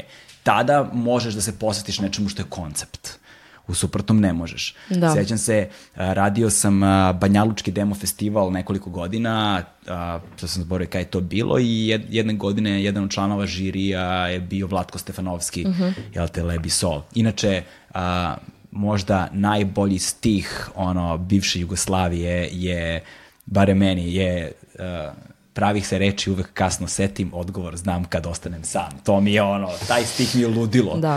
Uh, u svakom slučaju, sa Vlatkom sam posle sedeo, a, pili smo pivce ovaj, sa ostalim članovima žirija, Nikola Vranjković, ja mislim bio te godine i, i Vasil Hadžimanov i ne znam ko još. Sedeli smo, ja sam bio jedan od vojitelja programa zajedno sa Idom Prester i onda smo bili u backstage-u nakon svega, sedeli, cirkali pivo i pričam ja sa Vlatkom i Vlatko kaže, Vlatko je meni ispričao tu priču o planu B. Kaže, on je meni parafraziram sada, otprilike rekao ovako, kaže, ne postoji vreme kad imaš više ili manje talentovanih ljudi. Svako doba imalo podjednako isti broj, otprilike, talentovanih ljudi. Da.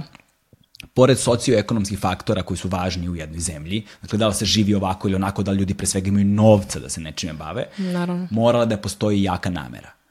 I mi smo bili tada ljudi koji nisu imali plan B. I prosto nema, znači nemam vremena za ono prijatelje, porodicu ove ili one, živi što? Jedan dan zaradimo lovu, drugi dan žickamo, spavamo na klupicama. Stvar je bilo u tome što u to vreme u Jugoslaviji bilo je ogroman broj ljudi koji nisu imali plan B. Na nas, ne znam, deset hiljada koji nismo imali plan B, rodilo se stotinak dobrih grupa. Od tih stotinak deset su postale kultne koje znamo i dan danas. Da. To je prosto zakon velikih brojki. I, a, nažalost, industrija svaka, ne samo muzička, je tu nemilosrdna. Mi ćemo videti one koji su se na kraju pojavili i znaćemo i prepoznavati njih. Nebrojeno mnogo njih postoji koji to negde, negde nisu uspeli i koji su ostali u zapećku istorije potpuno, nažalost, zaboravljeni. Da. Bilo bi zanimljivo ispričati priču o tim almost famous, jel te, ljudima koji su postojali u muzičkoj industriji. Da.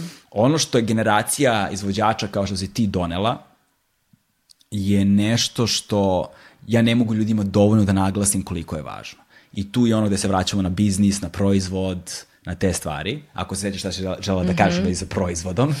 Uh, je činjenica da recimo ja sam radio na MTV-u ono period od 2005. do 2010. godine i negde recimo 2007. ili 2008. kada se MTV iz Slovenije prebacio u Beograd, postojao je taj problem. Trebalo je da imamo popularnu muziku.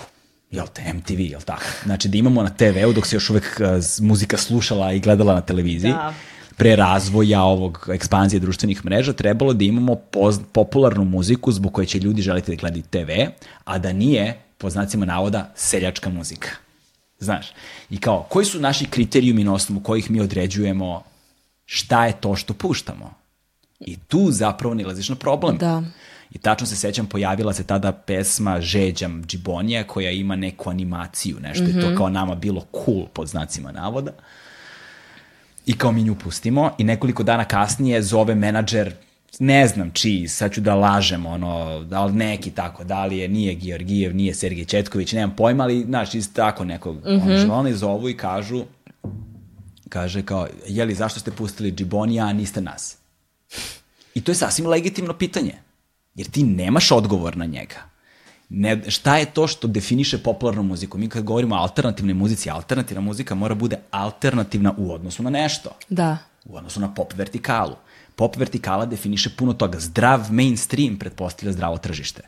Bez tog tržišta, bez tog nekog novca na tržištu ti nemaš ništa. I to je ono gde je ta polarizacija koju si ti govorila kao alternativni underground ili ne znam popularni i onda se tu vrednosno kategorišu. Da, da, da, da. Znaš, to je, to je vrlo pogrešno. Znaš, ne, ne znam i dakle nam je to nasledđe, ta zaostavština da ako slušam ovu muziku, ja sam bolji čovek od tebe. Ne, mislim, samo to znači da slušaš tu muziku. Da, da, da, da. Izvini, molim te, u svakoj muzici, posebno ako govorimo o tim stilsko-tipološkim odrednicama kao što je žanr, ovaj, ima genijalne muzike, čoveče. Samo treba budeš dovoljno otvornog duha i da želiš da je slušaš. Naravno. I činjenica da neka popularna muzika komunicira neku poruku sa mladima danas, to govori, ona je kao lahmus papir, ona je zapravo dobar pokazatelj društva danas. Ona dobro, a, a nju možemo da posmatramo kao, kao kao, kao test za to šta su važne teme u društvu. Ako,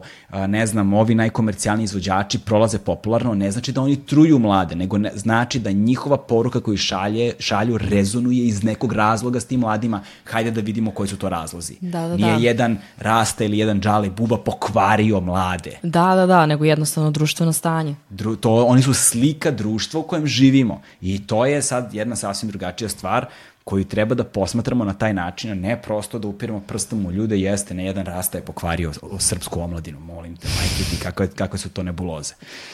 I šta bih ja dao da sam ja u to vreme imao izvođače kao što si ti, izvođače kao što je Cobi, odnosno i producente, koji su mogli da proizvode ono što je popularna muzika, koji su umeli da prave te spojeve globalnih trendova i lokalnog mentaliteta na jedan autentičan i originalan način, gde sad ti imaš različite izvođače koji imaju tu svoju autentičnost među koje spadaš i ti. Ovaj, ne znam, nema pitanja za toga, samo sam teo da rentujem malo. Hvala. Hvala Ali, ti. A, još, jedna, još jedna stvar koja mi se baš dopada u vezi tom, to, i sad sam, mislim da sam te prvi put uživo video da nastupaš a, na sad ovaj, na MEC ovim nagradama. Aha. Tu smo, jel te, zajedno bili. Da, da, da, da. Um, plesači. Veliki faktor Veliki. veliki faktor i ono što mi se dopada u vezi sa tobom je ono što mi se dopada u vezi sa K-pop industrijom. Mm -hmm. Jeste da su pevanje i ples egal. Ravnopravni su. Nije da. ovo manje važno, ovo više važno, pa da to sada kao bude nešto što dopunjava, eh, recimo da scenski nastup dopunjava pevač, ono, pesmu, ili da pevanje služi kao izgovor da bismo se prikazali kao plesači, ne, nego su dve ravnopravne stvari. I Da, ne znam da, da. koliko je još takvih izvođača poput tebe koji na taj način tretiraju ples i muziku ima u Srbiji.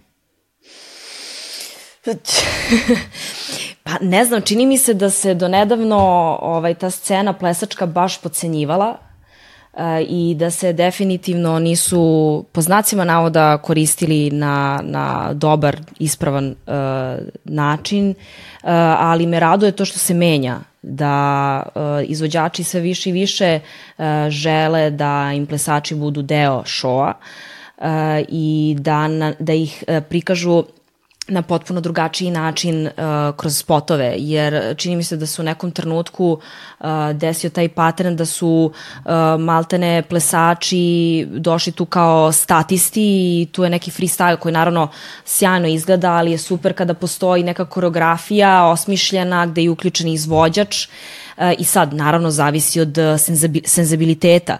Ja imam veliki veliko poštovanje uh, prema izvođačima koji nemaju plesača i čija priča ne podrazumeva ples, ali ono što je mene pokretalo još kad sam bila mala su performeri. Da. Ja sam prosto uh, odrasla u uh, jeku te neke R&B pop kulture krajem 90-ih, početkom 2000-ih, uh, gde je show bio ozbiljan show gde su određeni plesači bili ozbiljni, o, izvini, o, određeni pevači bili ozbiljni o, plesači.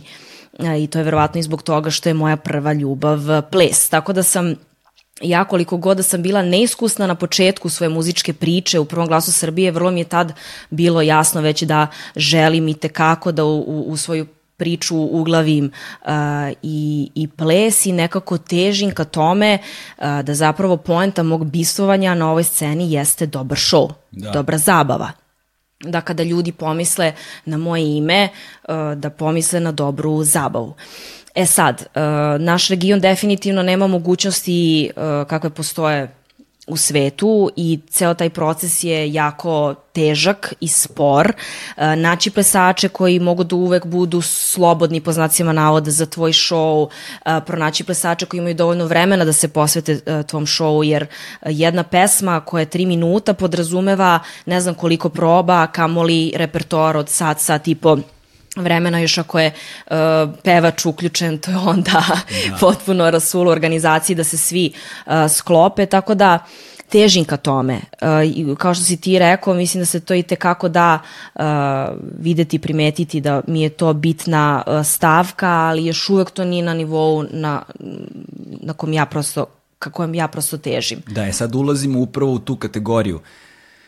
Koliko vremena uzima pored kao aj sad kreacije, autorski, izvođački, snimanja i tako dalje, sad to je muzički aspekt, sad na sve to dodaje još jedan ceo balast posla, ajmo sada da pravimo koreografije i da vežbamo. I onda na sve to da nađeš ljude koji mogu da izdvoje to ozbiljno vreme, da se bave tvojom ono, i svojom između oslo karijerom, da. a onda na kraju dana ti ako ideš negde i nastupaš, neko treba da izdvoji lovu da plati i te plesače pored svog honorara, odnosno ili verovatno u tvom fiju su pa, da. uključeni i plesači. Da, da, da. I sada da. to nije nešto na što će verovatno pristati brojni promoteri i organizatori, jer su oni navikli na taj model, aj dođe ti da mi pevaš. Da, da, da, da. Vidiš, ja od kada sam stvorila neku svoju ekipu, maltene da nikada ne prihvatam ako ne mogu uh, te moje četiri plesačice. Ja za sada imam četiri fiksne uh, plesačice uh, kao što si ti sada rekao, mnogi organizatori misle da ako njih sklone, maknu, da će cena biti manja.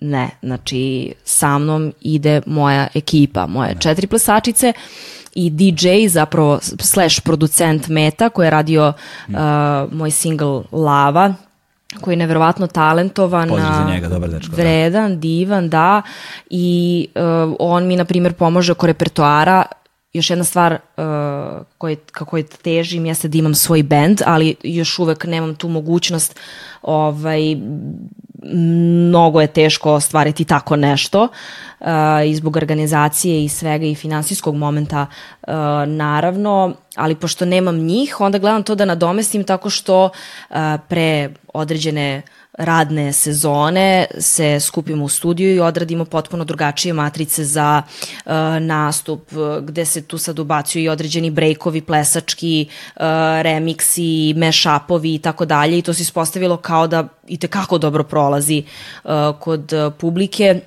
jer su oni željni da na nastupu vide i čuju nešto drugačije od onoga što mhm. se, jel te, što, što možeš da vidiš i da čuješ na, na YouTube-u. Tako da, to je neka moja ekipa, e, prosto takva sam po prirodi da volim da radim sa svojim ljudima i da osjećam neku vrstu sigurnosti. Imam polu panični napad kada uh, nemam svoju ekipu i, i, i kada se ne osjećam sigurno po tom, po tom pitanju. Tako da. da mi je bitno kada sam na nastupu da sam sa njima, kada radim spot da radim sa svojim ljudima, kada sam u studiju da sam sa svojim ljudima. I tu se vraćamo na ono što da. si pominjala koliko je važno to imati svoje ljude u koje imaš poverenje, da. jer onda možeš da delegiraš odgovornosti njima, da isključiš taj deo sebe i da se posvetiš prosto onome što ti je, što je, u čemu si najbolja i da prepustiš drugim ljudima da. ostale stvari, a da sve to na kraju nekako funkcioniše, da ta slika bude kompletna. Da. E, sad dolazimo do onoga što mene zanima ovaj, u svemu tome, jeste ti si kao izvođač i kao muzičar a, porasla značajno i sada se poslija pitanje solističkog koncerta. Kada ćemo vidjeti Saro i O na svom solističkom koncertu? Uvek se vodim svojom intuicijom i moja intuicija mi trenutno govori da nije još pravo vreme. Um, prosto ne osjećam da sam dovoljno sazrela kao izvođač. Mislim da me od toga uh, deli album Prvenac. Tad ću se, ja mislim, najbolje predstaviti svojoj publici. -hmm. Do sada se to nije desilo iz više razloga. To je ono što smo ispomenuli, moment organizacije vremena, prioriteti i tako dalje.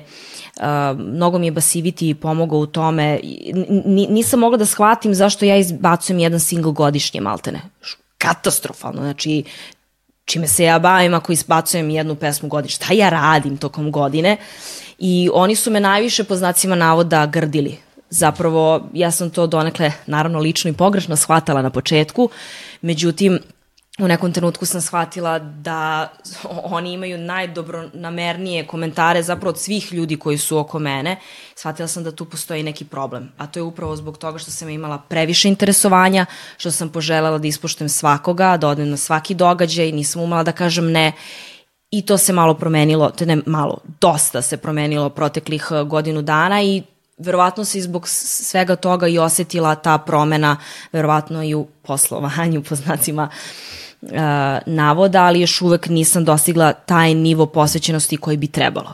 Dakle, ti govoriš o albumu. Ono što mi je sada, to je dobar šlagvord za temu albuma, jer poslovni model o kojem smo, jel te, pominjali već x puta u ovom razgovoru, nalaže da sada albumi su pod znacima navoda praktično mrtvi, jel te sada svi da. iz, izvođači komercijalni objavljuju single spot, single spot, single spot i da je to model po kojem stvari funkcionišu, a album je nekako ono pao malo u zapećak, znaš, kao ko sad izbacuje SM ono bad kopija i ne znam, rekli su mi Husi da imaju za novi album 42 pesme u šteku, koje su 42 pesme čoveče, ono, koja je hiperprodukcija. Ali da, koncept albuma je posebno u popularnoj muzici, u pop sferi, prilično ovaj, zaboravljena stvar. Planiraš da izbaciš album ili da ideš single po single? Volala bih album.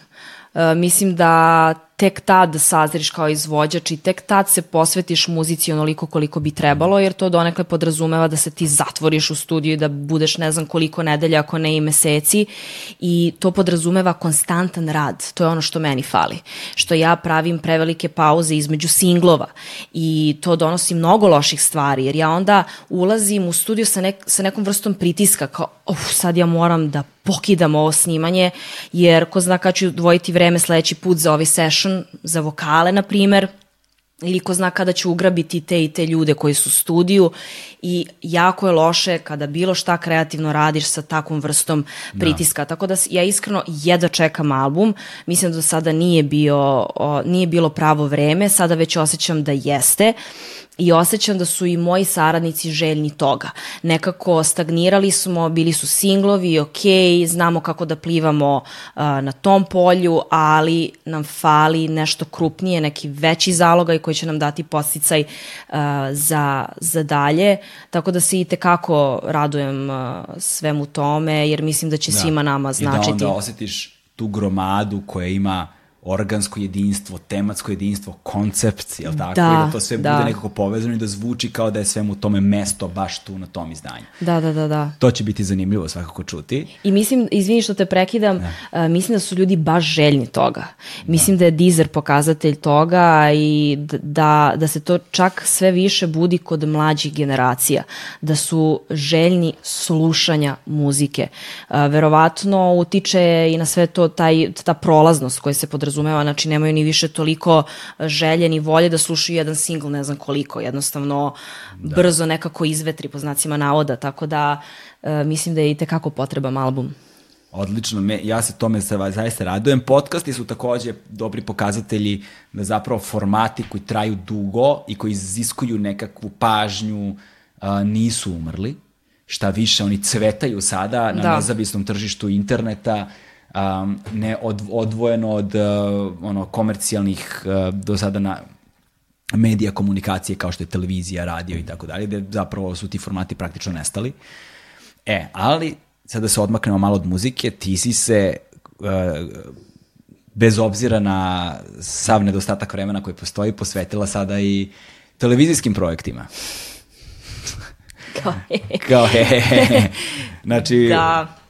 Šta se, o čemu se radi? E, pričamo o prioritetima kao eto mene i u nekoj drugoj priči. Da, bilo je nekoliko interesantnih projekata a, proteklih a, godinu, dve. Pružila mi se prilika da radim u pozorištu, da radim jedan, jedan musical. To mi isto bila velika, velika ljubav kada sam bila mala. Verovatno zato i volim performere, jer nekako musical podrazumeva taj paket gluma, ples, pevanje zatim serija, formati koji podrazumevaju i glumu, ali na potpuno različite načine, znači pristup u pozorištu, u filmu, u seriji, potpuno drugačije, potpuno drugačije stvari. Mm, a sada prvi put ću imati priliku i da uh, radim jednu emisiju, još uvek su pripreme, to će krenuti u martu, ja sad ne znam uh, ni koliko smem da pričam o tome, yeah. ovaj, ali to će više podrazumevati neku zabavnu moju uh, stranu i možda ću na neki način ostaviti po strani uh, muzički uh, moment kod sebe i više dati nekako sebe kao osobu. Aha. Uh, na kojoj televiziji će to krenuti? Na jednoj novoj televiziji. Znači, nova televizija, novi format, ništa, ni o čemu da, ne da, da pričaš. samo, samo znam da si došla na podcast Pravo iz Pirota za peglenih kobasica. Da, da, bilo je dosta inter, interesantnih aktivnosti. Da, e, jedna od njih su bile peglane kobasice. Uh, isto tako sam svašta nešto interesantno čula o čilimima, nisam, nisam znala, bila sam otprilike upućena, ali sam bila šokirana određenim informacijama koliko se tu dugo radi i kao mm. pitala sam ovaj, tu predivnu ženicu koja radi u jednoj, jednoj od glavnih uh, radnji Ćilima uh, u Pirotu koliko bi mi vremena trebalo da, da. naučim taj uh, zanat ako sam talentovana, a ona mi je rekla pa otprilike pet godina. Je kao, what? a koliko se, na primjer, radi jedan čilim koji je ovoliki kao ne znam koliko, dva metra kvadratna, uh, tipa sedam meseci. Tako da Pocenili, sam nešto... smo zna, pocenili smo značaj ručnog rada. Da, da. Pa zapravo šta se svi, svi ti simboli znače, uh, kakve sve legende postoje u vezi sa tim, uh, koliko je toga uh, pokradeno iz naše kulture, i tako dalje i tako dalje. Dobro, to će biti vrlo zanimljiv format. Radujem mu se da ga vidim, da. radujem se da čujem tvoj uh, debi album, uh, svakako. Uh, radujem se tvojim novim uh, poduhvatima scenskim, da prvenstveno kažemo, dakle i u muzici i u plesu i drago mi je što se razvijaš u smeru zaista ozbiljnog pop izvođača zato što mislim da je to baš to ono što nam nedostaje i da ljudi poput tebe predstavljaju ključne figure da bismo razumeli, da bismo razvili muzičko tržište na, na nivou na kojem bi ono trebalo da postoji da bi bilo zdravo. Pre svega zdravo. I želim ti svaki uspeh u budućnosti. I hvala ti puno što si bila gošća ovaj, uh, u našem podcastu ovaj, imala vremena i strpljenja za razgovor ovde i hvala Daj. ti si došla u naš topli dom. Ne, hvala tebi na pozivu i rekla sam ti da si me zvao u pravom trenutku, nekako sam se zasitila bila uh, intervjua, istih pitanja, znala sam da će me nešto potpuno drugačije očekivati uh, ovde kod tebe, tako da hvala ti što sam imala prilike da pričam o nekim drugim stvarima sem tog nekog paterna koji se koristi već dosta hvala dugo godina. Hvala tebi i nadam se da će se dijalog u muzici vratiti ponovo u medije, jer on je upravo za tom formatizacijom medija, sa tom polarizacijom na ove i one, a, muzika je prestala da bude deo dijaloga, dijaloga i onda su polako i prestala da se, prestao je novac da postoji u muzici u jednom trenutku da. a, i onda se desilo da naravno nestalo je muzičko novinarstvo, nestale su recenzije, nestalo je ovo, nestalo ono i onda polako taj proizvodni proces u muzici je prestao da postoji onakav kakav bi trebalo da bude. Da. Izvođači poput tebe će revitalizovati tu industriju, možda ćemo ponovo imati muzičko novinarstvo i recenzije na nekom nivou koji bi zaista bio zavidan. Hvala Nadam ti još se. jednom. Hvala tebi. Gotovi smo. Ajmo.